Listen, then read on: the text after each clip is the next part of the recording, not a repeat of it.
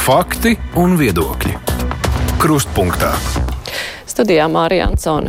Karš Ukrainā un straujais energoresursu cenu kāpums pārsteidza nesagatavotus, un šo apkursu sezonu darīja grūtu ne tikai gāzes cenu pieaugums dārgāka, bija arī elektroenerģija un resursus, ko parasti esam uzskatījuši par sev pieejamu un lētu, tas ir koksnes kurināmais.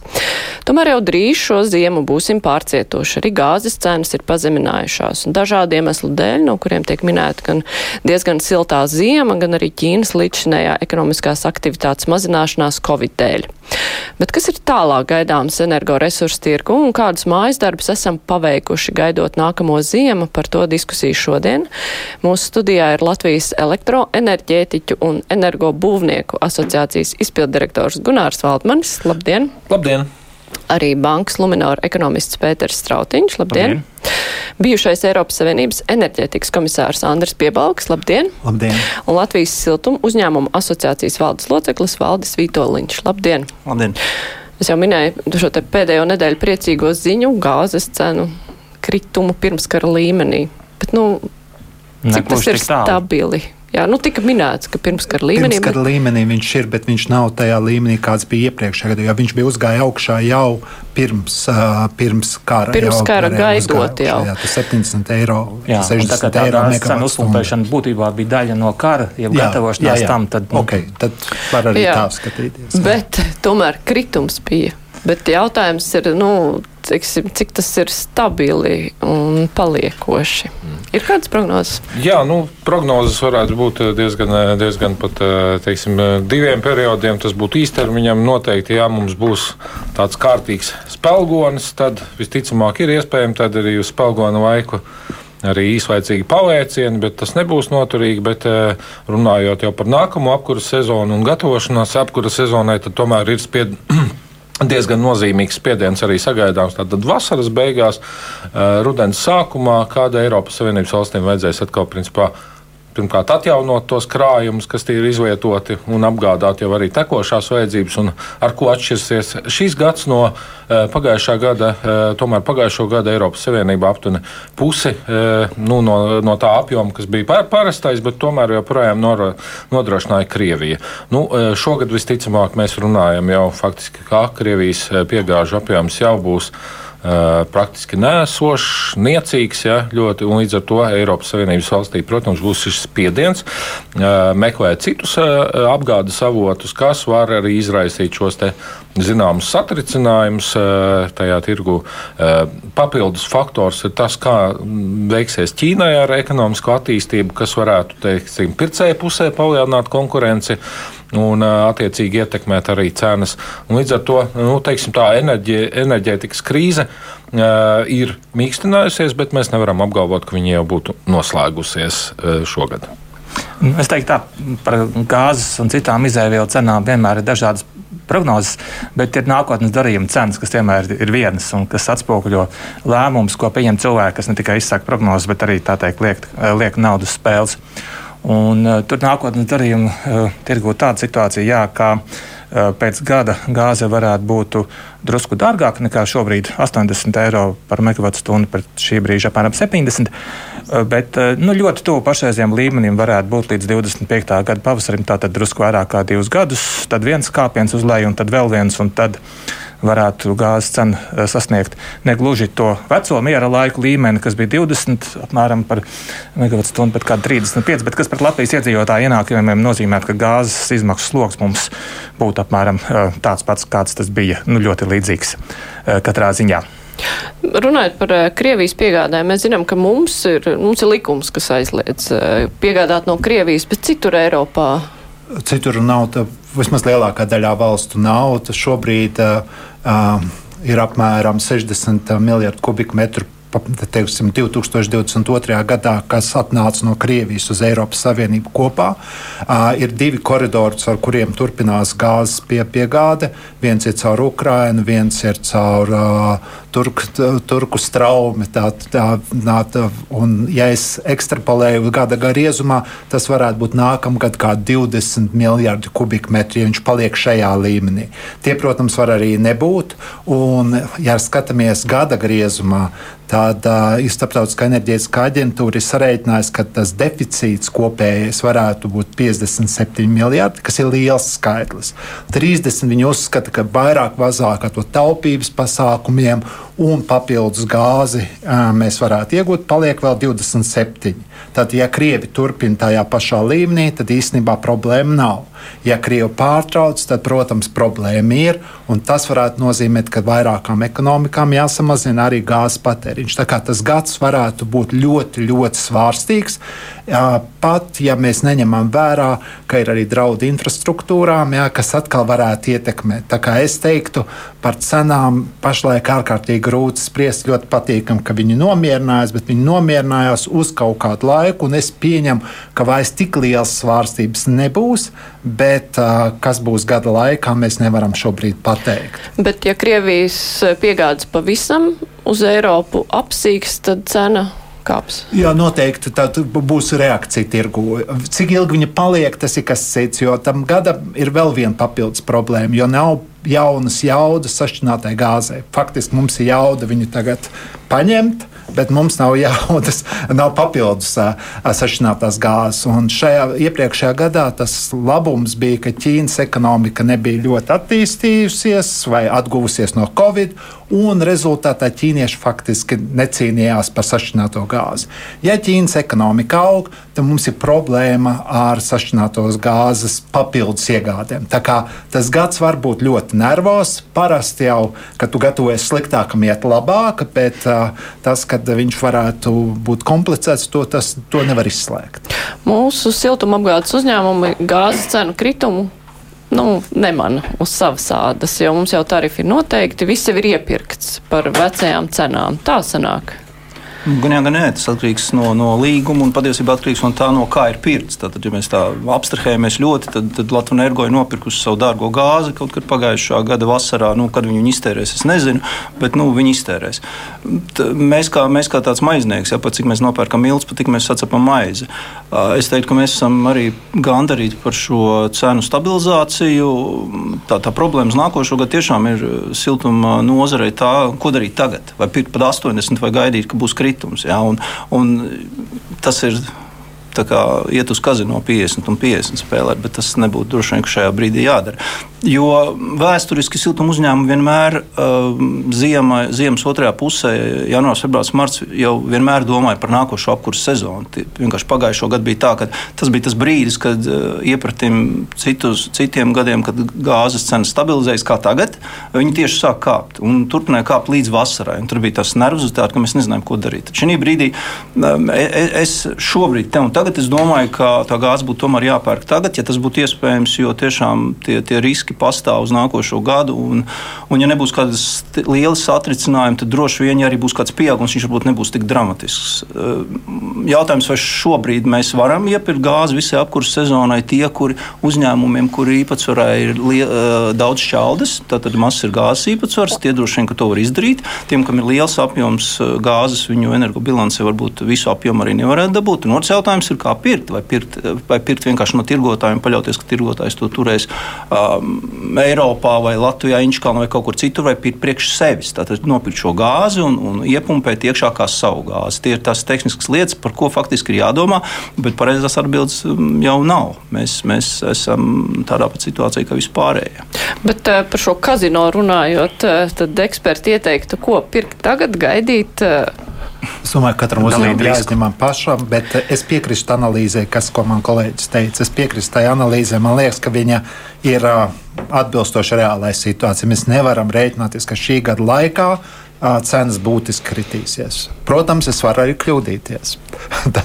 tā kā es neņemu nekādu atbildību par to, bet priekš tam ir uzņēmuma vadības, kas pieņem šos lēmumus. Jā, tā kā, tā kā es teiktu, ka uh, Jā, analīze, man liekas, bija laba. Jo šī gadījumā jautājums būs beigās būs drošība. Tas, tas ir pilnīgi tas, kas notika pagājušo gadu. Kā uzņēmumi gaidīja, domāja, ka cena kritīsies, un beigās tie, kas varbūt nopirka augstākajā punktā, nu, viņi vienkārši vairs negaidīja, jo tas bija tikai drošības jautājums. Protams, paldies valdībai, ja paldies visiem mums, kas mēs ar saviem nodokļiem apmaksājam šo atbalstu paši sev. Ja? Tātad tas bija risinājums.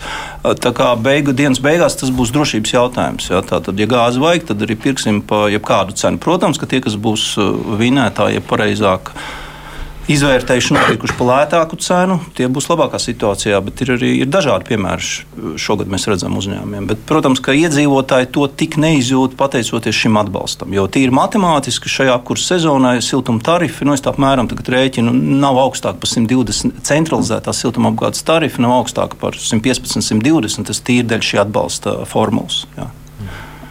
Nu, es droši vien arī vērtētu kā labāku scenāriju, tomēr eh, censties eh, ātrāk iepirkt tos nepieciešamos resursus.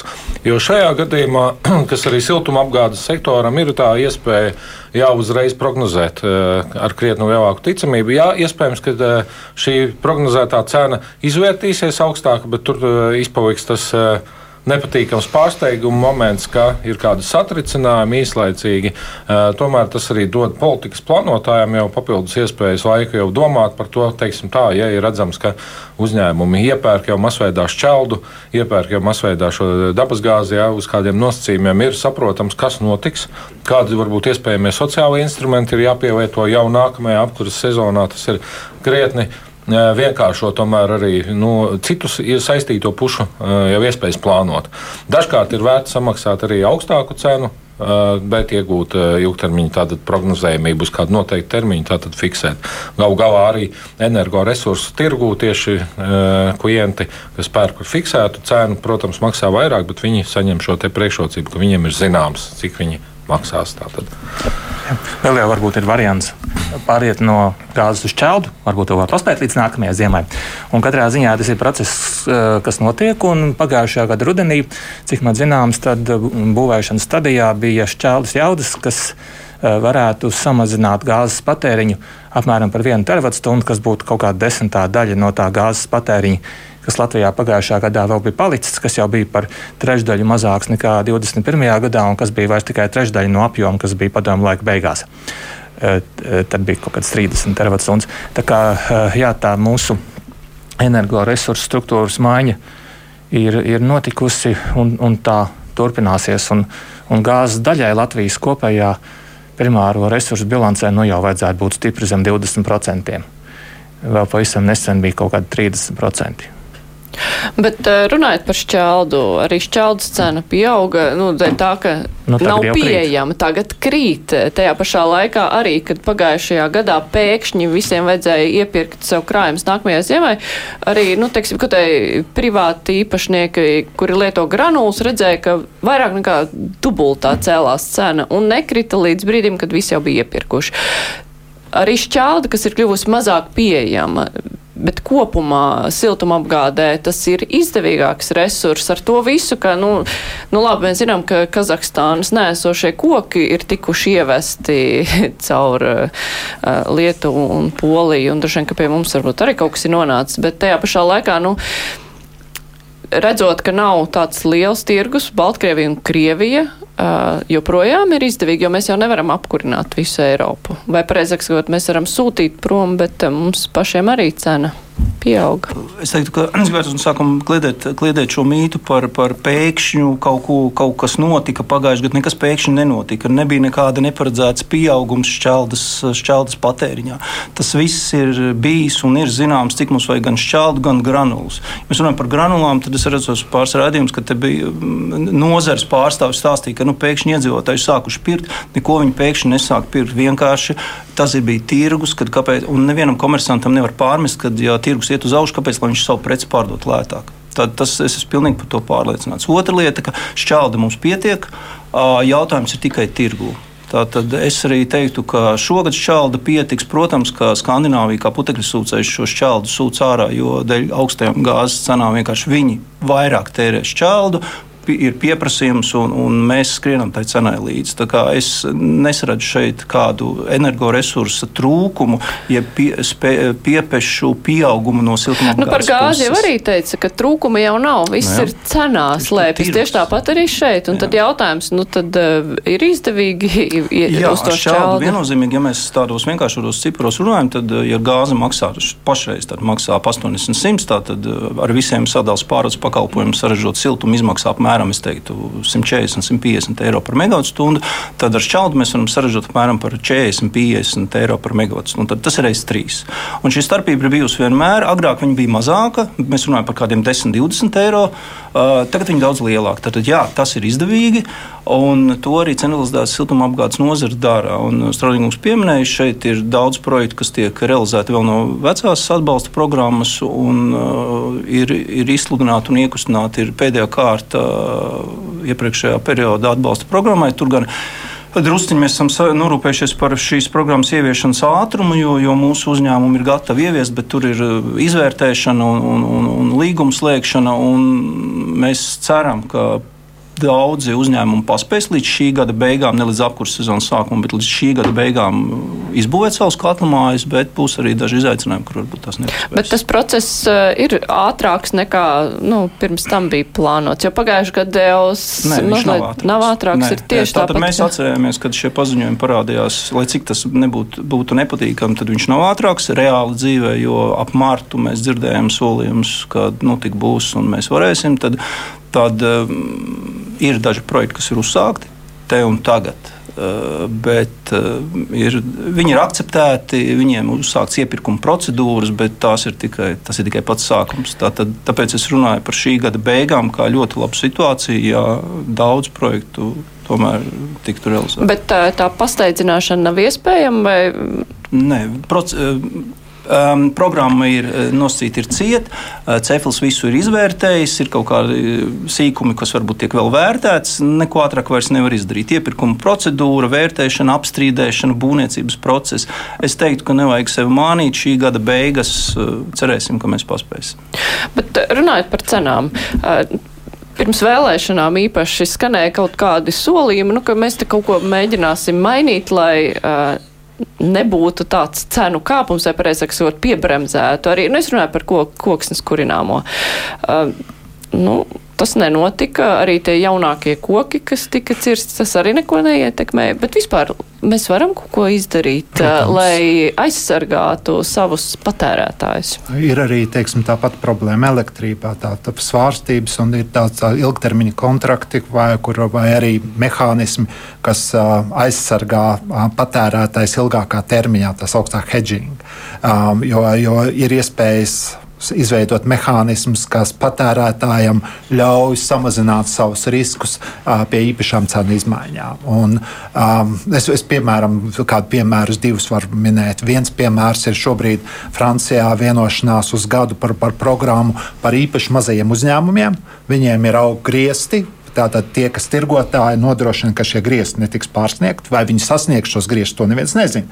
Bet toties patērētājs zina, ka nebūs viņam vairāk par. Ka, bet kas to kompensē? Tad ir valsts. valsts. Protams, valsts mm -hmm. mehānisms tas ir, bet tas ir tas, ko tirgotājs vienojās ar valsti, ja, un tirgotājs vienojas ar klientiem. Tas ir tas, ir tas ko, kas notiek darīts. Un otrs piemērs ir Spānijā. Tas gan ir īpaši tā sauktais Sibērijas modelis, kurā valdība pasaka, ka elektrībai izmantojamā gāzes cena nevo, ne, nebūs lielāka par 40 eiro par megawatu stundu, un rezultātā viņi. Um, panākt to, ka elektrības cena faktiski arī samazinās kaut kur pa 10-15%. Viņi grib šo mehānismu līdz 2025. gadam. Tātad īsnībā ir jāstrādā to, ka ilgtermiņā, lai patērētājs nesasniegtu cenu šoku. Un tas ir faktiski izdarāms, bet uh, līdz šim nebija īpaši liela interese, jo cenas bija relatīvi zemes un relatīvi nesvārstījās. Tā kā tas ir izdarāms. Bet uh, nu, tad vienīgais ir valsts ar kaut ko kompensēt, bet iejaukties brīvajā tirgu nevar. Pašā, Kur pašā gribam, ne. tur tirgojam. Tieši tā. Tieši tā. tā, tā, tā bet jāņem vērā par šķeldu, un lielākā daļa Eiropas valsts nekurinās šķeldu. Tā ir tiešām ļoti reģionāls risinājums. Tas ir neapšaubām. Pēc tam, ka šķelda ir arī vietējais kurināmais un zaļš kurināmais. Tā kā jāņem vērā, ka tur nevajadzētu būt milzīgām ietekmēm no citām valstīm. Es skatījos, piemēram, Austrijas tirgu. Austrijas tirgu arī bija viena mirkli tāda sajūta, ka viņiem pietrūks, patērētājiem panika, viņi sapirka viņus un konstatēja, ka īstenībā nekādas problēmas nav. Uh, ir jāstāsta arī, kā tirgus strādā. Protams, priekš tām ir konkurences padoma, bet arī valdībai man liekas jāstāsta, kā tirgus strādā, vai viņš ir pietiekami aktīvs tirgus, vai viņš ir pietiekami caurspīdīgs tirgus. Un tas ir diezgan, diezgan pamatīgs uzdevums, un līdz šim mēs praktiski to nedarījām ne, ne Latvijā, ne arī Eiropā. Tā iemesla dēļ, ka enerģijas cenas mūs apmierināja. Nu, no tā jāizdara mācība, kad mums jāstāsta, kas notiek tirgū. Ja mēs par koksnes kurināmo runājam, ir kaut kāds pienācis eh, nu, laiks, lai vismaz valsts skatās, lai nav tur kaut kādi griesti, vai tur nav prognozes, ka kaut kas varētu pasliktināt? Nu, es nedomāju, ka šajā tirgu tiešām valstī vajadzētu iejaukties. Tur ir vairāk argumentu. Viens ir ļoti daudz piegādātāju. Nu, tur nekādā veidā šo tirgu īstenībā nav iespējams manipulēt. Jebkuram, kurš kam ir zāģis un mazs čādotājs šajā tirgu, ja vēlas, uh, var piedalīties. Kas vēl? Uh, koksnes. Uh, vai arī kokapstrādes atlikumu pārdošana ir ienākuma avots eh, kokapstrādei. Tā kā ja mēs eh, teiksim, kaut kā tur mēģinātu eh, tur cenas ļoti dīt lejā, un atkal kādam citam šiem uzņēmumiem, varbūt arī to darbiniekiem, tas nāk pa sliktu. Un, teiksim, Šīs 2023. gads Latvijas kokapstrādē, jo īpaši zaļģētavām, būs ļoti, ļoti smags ekonomiski, jo ir būvniecībā, mājokļu būvniecībā krīze pasaulē. Tad, ja tās cenas šķeldāji ir paliks augstākas droši vien nekā bija kādreiz, kad tur bija vispār tikai 11 eiro par megawatu stundu bija cena, vai ne? Pat ir bijuši laiki, kad bija viens par skaitļos par megawatu stundu. Tad, tad arī nu, tur tā, tā cena. Nu, Teiksim, ja viņi ir augstāki, kādam tas nāk pa sliktu, kādam tas atkal nāk pa labu. Uh, šī koks, eh, koksnes kurināmais kā atjaunojamais resurs, nu, mēs ejam uz atjaunojamiem resursiem, kas mums ir iespējams elektrība un koks. Tad eh, kurš ir tas uh, svarīgākais, ja mēs domājam par to pāreju tālāko? Nu, es, es ātri vēl gribētu arī pilnībā balst, paust atbalstu kolēģi teiktiem viedoklim par to, ka pirmkārt valstī tiešām nevajadzētu iejaukties tieši tirgus darbībā un tiešām atstāt šim tirgum iespēju attīstīties un izmantot tieši tādus instrumentus, kā mēs patiesībā jau esam izmantojuši piemēram, siltuma cenu kompensāciju līdz noteiktu griestu ietvaros. Un tas ir labākais risinājums. Es tomēr arī uzskatu šo, jo šobrīd, kā varam redzēt, arī bez šīs iejaukšanās tirgus tomēr ir zināmā mērā stabilizējies. Bet, ja runājam par ilgtermiņu, tad noteikti elektroenerģija tomēr ir ilgtermiņā šīs perspektīvākais resurss tieši atjaunojamās enerģijas jomā. Jo koksnes resursi, protams, ir pietiekami daudz diskutēti, ka, cik šo te koksnes, koksnes resursu izmantošana enerģētikā, cik tieši tā ir ilgspējīga vai tā ekonomiski rada lielāko lielāko arī pievienoto vērtību ekonomikai. Un, ja mēs paskatāmies arī uz Latviju, tad eh, nu, daļu no šīs koksnes resursu izmantošanas enerģētikā tomēr, diemžēl, nevar uzsaukt, uzskatīt nekādā veidā par ilgspējīgu. Un šeit es runāju tieši par nevis par centralizēto siltumapgādes sektoru, kur ir eh, augsti efektīvas iekārtas, tomēr tiek izmantotas un laba saimniecības praksa, bet tieši par privātmājām eh, un tātad individuāliem lietotājiem, kur sadedzināšanas iekārtu efektivitāte ir kopumā nezināma, bet varam noteikti pieņemt, ka tā ir stipri zema šīs iekārtas arī ir piesārņojošas, un to nevar saukt par ilgspējīgu praksi. Un es domāju, ka ar valsts politiku, lai tiekš, tiešām mēs varētu runāt par ilgspējīgu vidas politiku, ir šīs koksnes īpatsvars pirmkārt uh, ilgtermiņā tomēr jācenšas samazināt no apkuras, vēdināšanas, dzēsēšanas sektoriem, cenšoties aizstāt to ar elektroenerģiju, tur, kur tas ir iespējams. Tātad netieši siltumsūkņi, gaisa, gaisa siltumsūkņi, gaisa ūdens siltumsūkņi, zemes siltumsūkņi, bet eh, tur šīs efektivitātes rādītājs ir nesalīdzināmāk augstāks nekā jebkurai eh, tātad eh, koksnes apkuras iekārtē. Bet nu, tādā īstermiņā tādas milzīgas cenu palēciens kā pagājušo gadu ir gaidāms šajā sektorā? Es domāju, tur vienkārši bija panikas elements, jā, teiksim, uzņēmumi kuriem vajadzēs čelt. Viņi droši vien domāja, ka ir vispār risks palikt bez. Tad, tad, nu, kāds notiek finanšu tirgos, citos tirgos, ka, ja cena aug, tad viņa kādu laiku dažreiz aug, tāpēc ka viņa ir augusi tikko vakar, aizvakar. Līdz, līdz tā teikt, gravitācija uzvar beigās es nedomāju, tiešām, ka tur būtu pamats kaut kādam lielam satraukumam par cenu, kā atkārtotiem tādiem lieliem cenu lēcieniem. Nu, labi, Un tad tā elektrība, kas ir mūsu nākotne, bet kas ir tuvajā nākotnē sagaidāms, eh, prognozējami vai nav prognozējami? Tā, nu, elektroenerģijas tirgus mums ir eh, šobrīd uzrāda ļoti labvēlīgas tendences kopš pagājušā gada. Nu, faktiski, uh, pēc pirms Ziemassvētku nedēļas. Tur ir vairāki faktori. Nu, protams, pārsvarā tas ir labvēlīgi laika apstākļi, arī labvēlīgi pieteces apstākļi. Šajā gadījumā tas nav tāda tikai Skandināvijas īpatnība, bet arī Latvijā ir izveidojusies. Jūs esat dzirdējuši arī noteikti, par plūdu ziņām, bet nu, tas ir sakritis arī ar augstu pieteci un augstu izstrādi arī Latvijā. Līdz ar to cenas ir tiešām būtiski mīkstinājušās, stabilizējušās.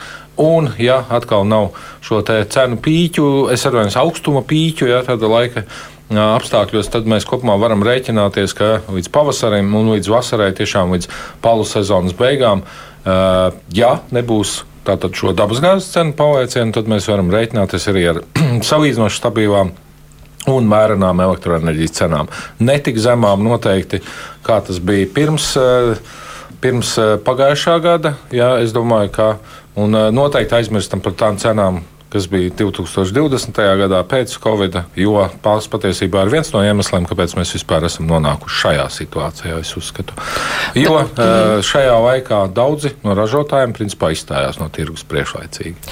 Ir vēl dzirdēts arī no mūsu radio klausītājiem par šo palu laiku, ka tagad bija lielais palu laiks, Hesi strādā, atspērušies, mēs varētu peldēties elektrībā pa lēto, eh, ja nebūtu biržā.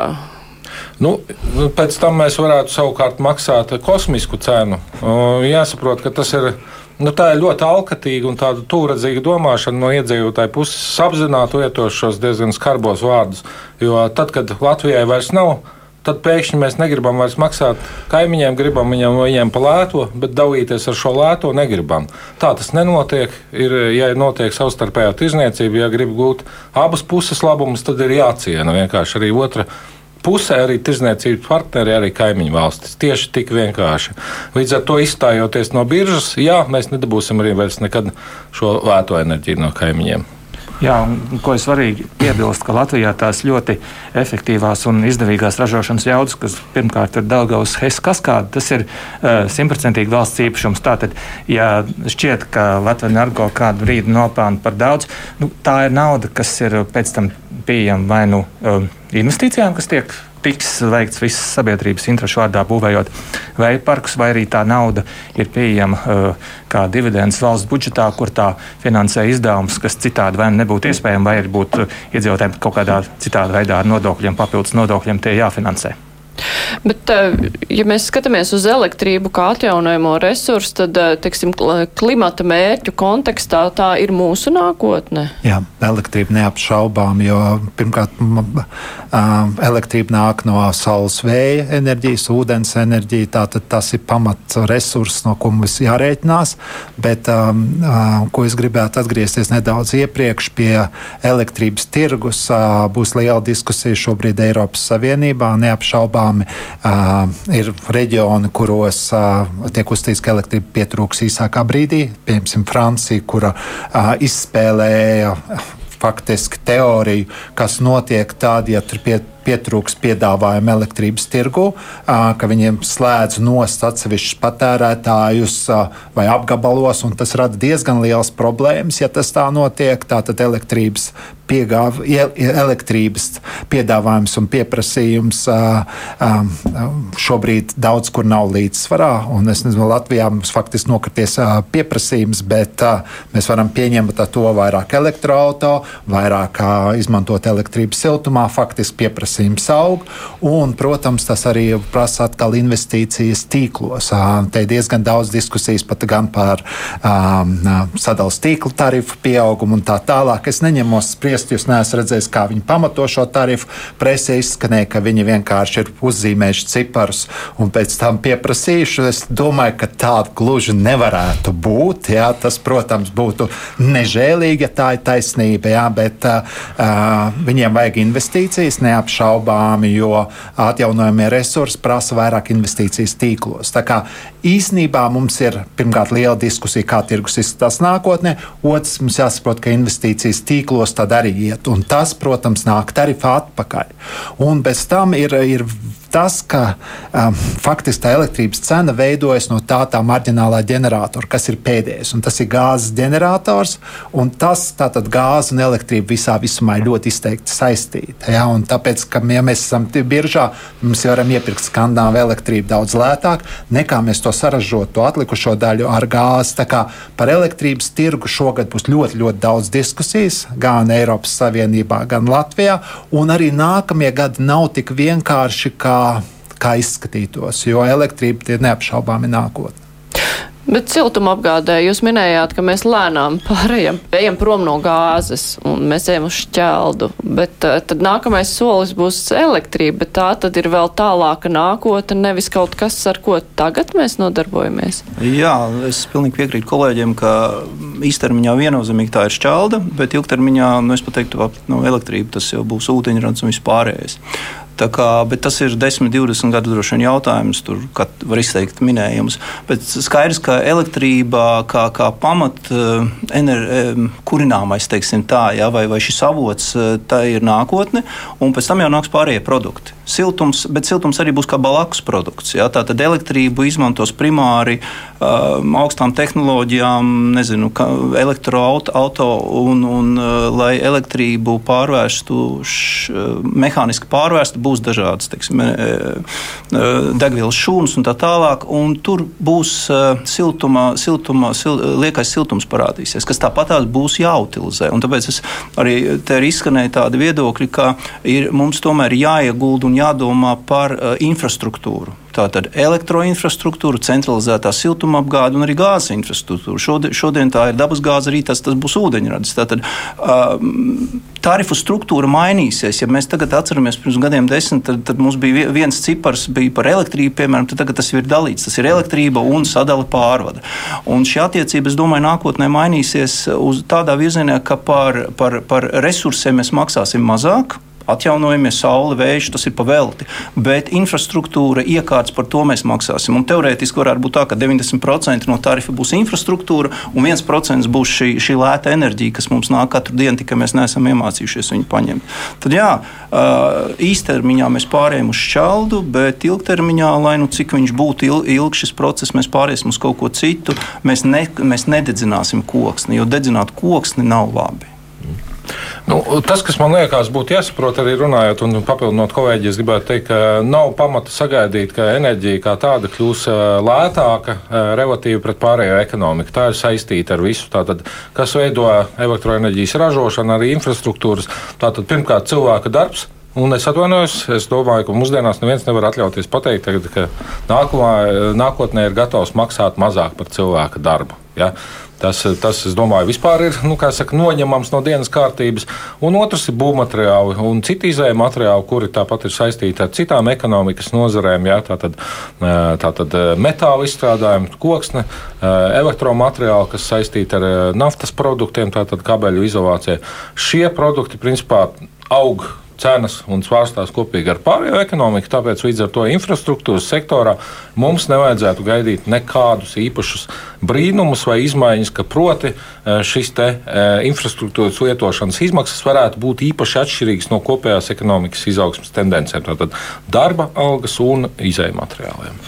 Nu, tomēr, es domāju, ilgākā laikā enerģijas e, izmaksu daļa kopējos ienākumos uh, samazināsies. Jo, nu, ko nozīmē pārējai uz atjaunojumiem resursiem? Tas nozīmē um, to fiksēto uh, investīciju izmaksu palielināšanu un mainīgo izmaksu samazināšanu. Mēs vairāk iztērēsim par turbīnām un saules paneļiem un tam līdzīgi, bet mazāk maksāsim uh, valstīm, kas pārdod uh, fosilos resursus. Un, un, teiksim, ja mēs paskatāmies arī uz uh, piemēram, siltuma cenu izmaiņām, kādas tās ir bijušas pirms šīs tā, visa lielā trača, teiksim, To jau ir viegli aizmirst, bet 2021. gadā uh, siltuma cena Latvijā bija zemāka nekā 2011. gadā. Desmit gadu laikā tā bija samazinājusies, kamēr algas uh, bija apmēram uh, divkāršojušās uh, šajā laikā. Tam. Līdz ar to uh, enerģijas un citu, citu pirmās nepieciešamības izdevumu sloks pret ienākumiem tomēr ilgākā laikā samazināsies līdz ar vispārējo ekonomisko progresu tās, tās sagaidītu. Nu jā, bet uh, paralēli tam, ka mēs te ieskicējam kaut kādus tādus tālākus nākotnes scenārijus, vēl tagad nav līdz galam saprasts jautājums par skultas termināli. Respektīvi, iepriekšējā valdība tā kā nolēma, bet tagad notiek joprojām diskusijas, cik tas ir vispār liederīgi un kuram ir jāieguldās tajā visā. Šeit jau tika pieminēts, ka jaunas jaudas, respektīvi, jūs minējāt, ka sašķidrinātā gāze varētu visiem nepietikt, nu, ja Krievija pavisam aiziet prom no tirgus.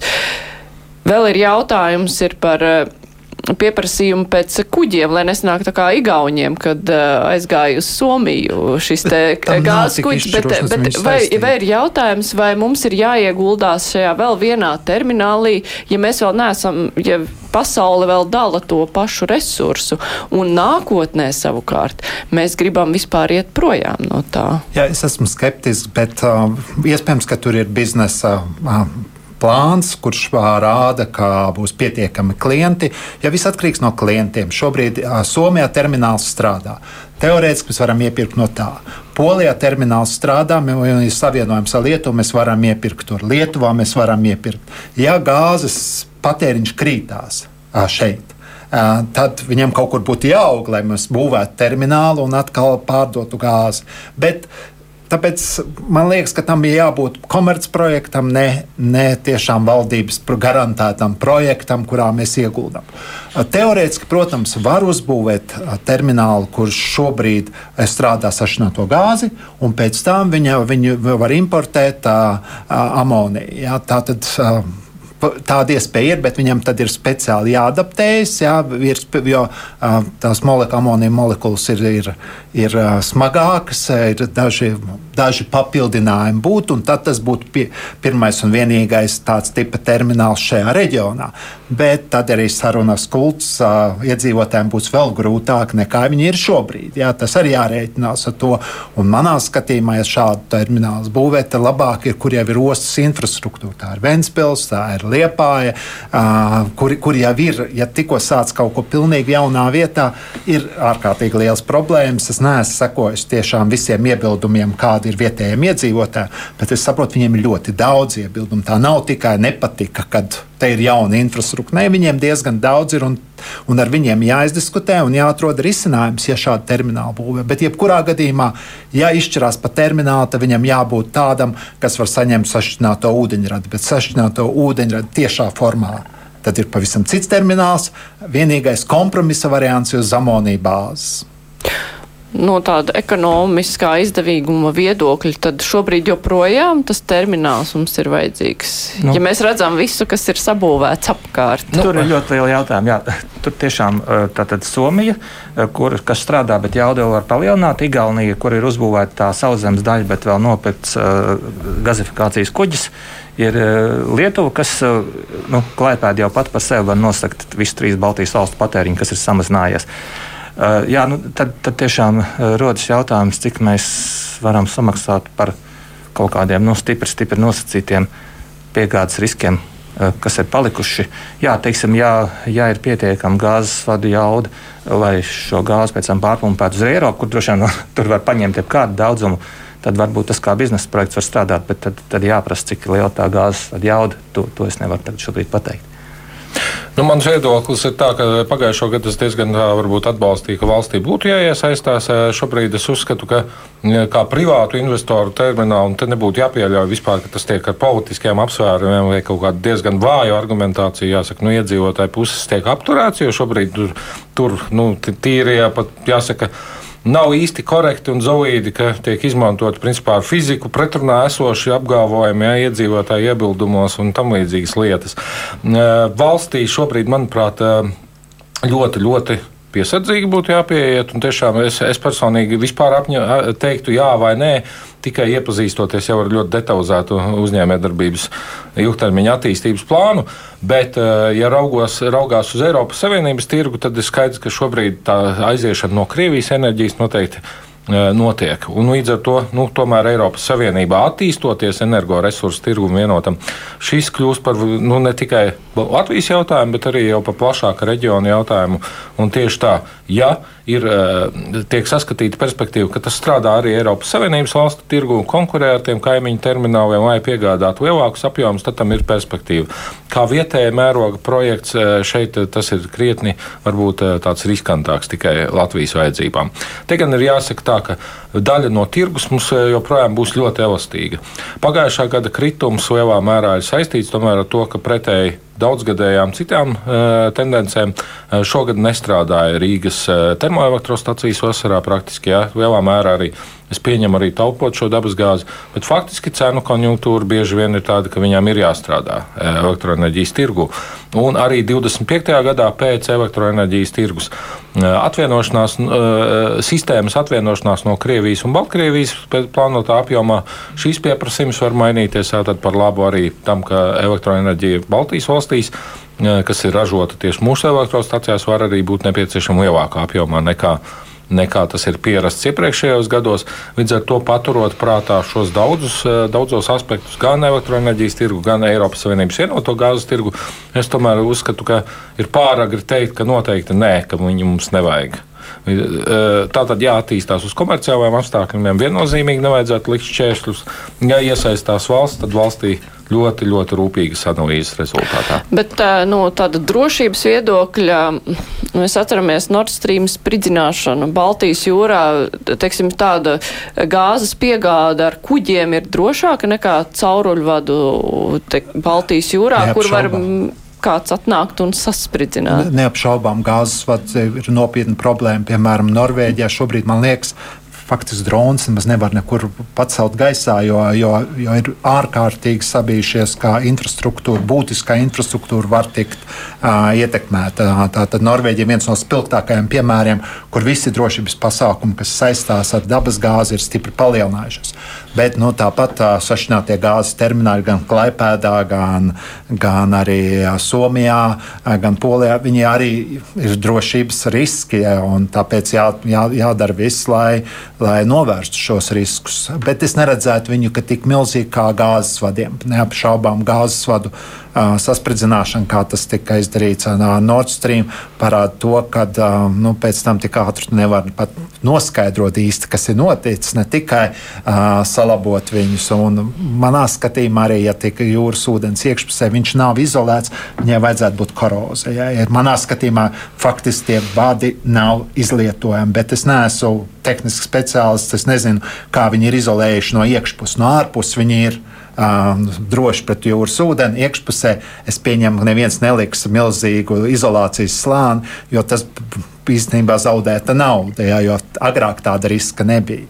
Bet es gribu teikt, ka kopumā uh, tie riski, kas uh, šobrīd mums ir dabasgāzes piegādē, viņi nav ļoti lieli, lai ietekmētu tirgu tirgus relatīvi mierīgi attiecās uz šiem riskiem. Tie, kas ir lielāki riski un tie saistās ar lielāku elektrifikāciju, tie ir cyberriski. Tie tā neapšaubām ir tēma, par ko runāt, un, un, un, un tur ir jā, jābūt daudz lielākam nodrošinājumam arī nākotnē. Mūsu sarunai tuvojoties gandrīz jau nu, otrajam, ne, bet noslēguma pusē. Šī apkursa sezona nu, jau ir daudz maz skaidra. Mēs nezinām tikai tik, nu, cik ilgi tā būs, ja, bet, nu, teiksim tā, mēs jau apmēram zinām, ar ko rēķināties. Ja mēs runājam par nākamo gadu. Šeit iezīmējās, ka, nu, gāzes cena, protams, nav jau stabili kritusi, bet tādas milzīgas svārstības kā iepriekš nav gaidāmas. Par elektrību arī, nu, īsti nav zināms, ka šķeldē arī cerams, ka nebūs tādi lēcieni. Atceroties pagājušā gada pieredzi, vai ir kaut kādi mājas darbi, kas ir jāizdara, nu tā tiešām laikus, nu, kur nevar atstāt uz pēdējo brīdi. Es nezinu, vai runa ir par kaut kādu atbalstu no valsts puses vai kādu citu sagatavošanos, vai vienkārši gaidām nākamo ziemu, kā būs, tā būs. Es domāju par atbalstu. Droši vien, ka valdība lems tad, kad, tas, kad tur būs cipari galdā. Ja, kad diez vai kāds tagad, eh, es domāju, ka valdība maksimāli varētu solīt, ka atbalsts būs. Es pieļauju, mm. bet neko, neko, neko vairāk. Uh, par mājas darbiem es teiktu, ka uh, centralizētais siltumapgādes nozarē visi mājas darbi ir zinām, kas ir jādara. Tad saulēcīgi jāiepērk, ir kurināmais, ir jāuzsāk un jāpabeidz šīs šķeldas katlu mājas. Un es teiktu, ja par gāzi runājot, tur droši vien tā situācija tiešām ir drošāka tādā ziņā, ka, ja kāds izlēma gāzi iegādāties tagad un iepumpēt to inču kalnu, tad tas ir diezgan droši. Ja? Ja mēs runājam par šķeldu, kas ir mūsu resurs, tad tas ir droši, bet tur tiešām ir, ir brīvais tirgus un centralizētās siltumapgādes nozare pati, ka mēs kā ražotāji, mēs, mums nav tādas kādam ir no uzņēmumiem, bet pārsvarā nav iespējas uzkrāt šķeldu mums savās eh, teritorijās, nojumēs uz visu apkursu sezonu. Tāpēc tas tirgus ir organizēts tā, ka faktiski šos uzkrājumus veido šķeldas piegādātāji. Vai viņi ņem no savām krātuvēm ostā, vai viņi krāja kaut kur pie meža malas vai savās teritorijās. Un, un tas ir faktiski tas, ko mēs kā uzņēmumi arī diez vai darīsim, jo tas prasa liels investīcijas. Tāpēc es teiktu, ka mm, un, un arī par līgumiem runājot, tad mēs Parasti slēdzām ilgtermiņa līgumus uz gadu, uz diviem, un pagājušais gads faktiski, eh, kad radās nestabilitāte, šie līgumi saruka līdz mēneša līgumiem, līdz diviem mēnešiem, un tā, tas radīja nestabilitāti.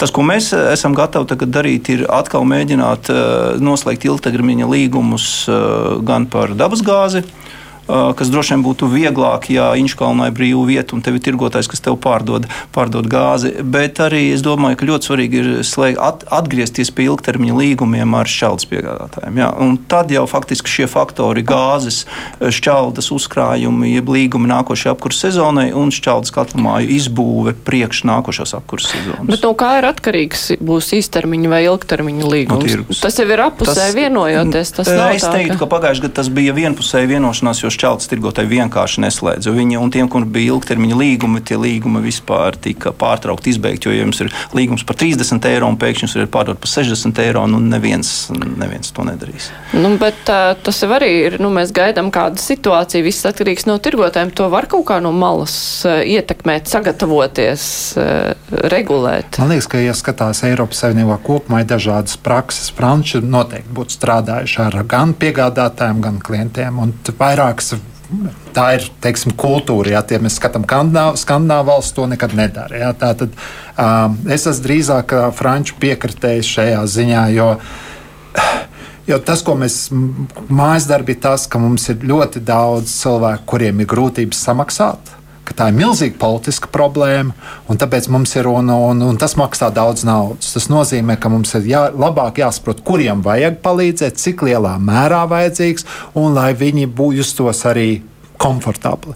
Un tad ir tas jautājums arī, ka tie, kas ir piegādātāji, viņi nevar tikai vienmēr būt viļņu virsotnē. Viņiem jādomā, ka arī ir patērētāji, kur nevar būt visu laiku atkarīgi no tā. Tātad ilgtermiņa līgumi, nu, tas ir normāli praksa. Ja neviens neslēdz, tad ir problēma tirgu. Tad mums ir jājaucas tajā tirgu. Mēs nevaram vienkārši skatīties, ka tas agrāk vai vēlāk sakārtosies. Jā, tas sakārtosies, bet tas iet caur sāpēm un caur politiskiem zaudējumiem. Un man liekas, ka to mēs īstenībā nedrīkstam atļauties. Lai arī ar laiku viss sakārtojās. Ja, tas, kas apvienojas, tas apvienos, tas, kas bija apvienos, tas izjūg, kas ir bijis izjūg.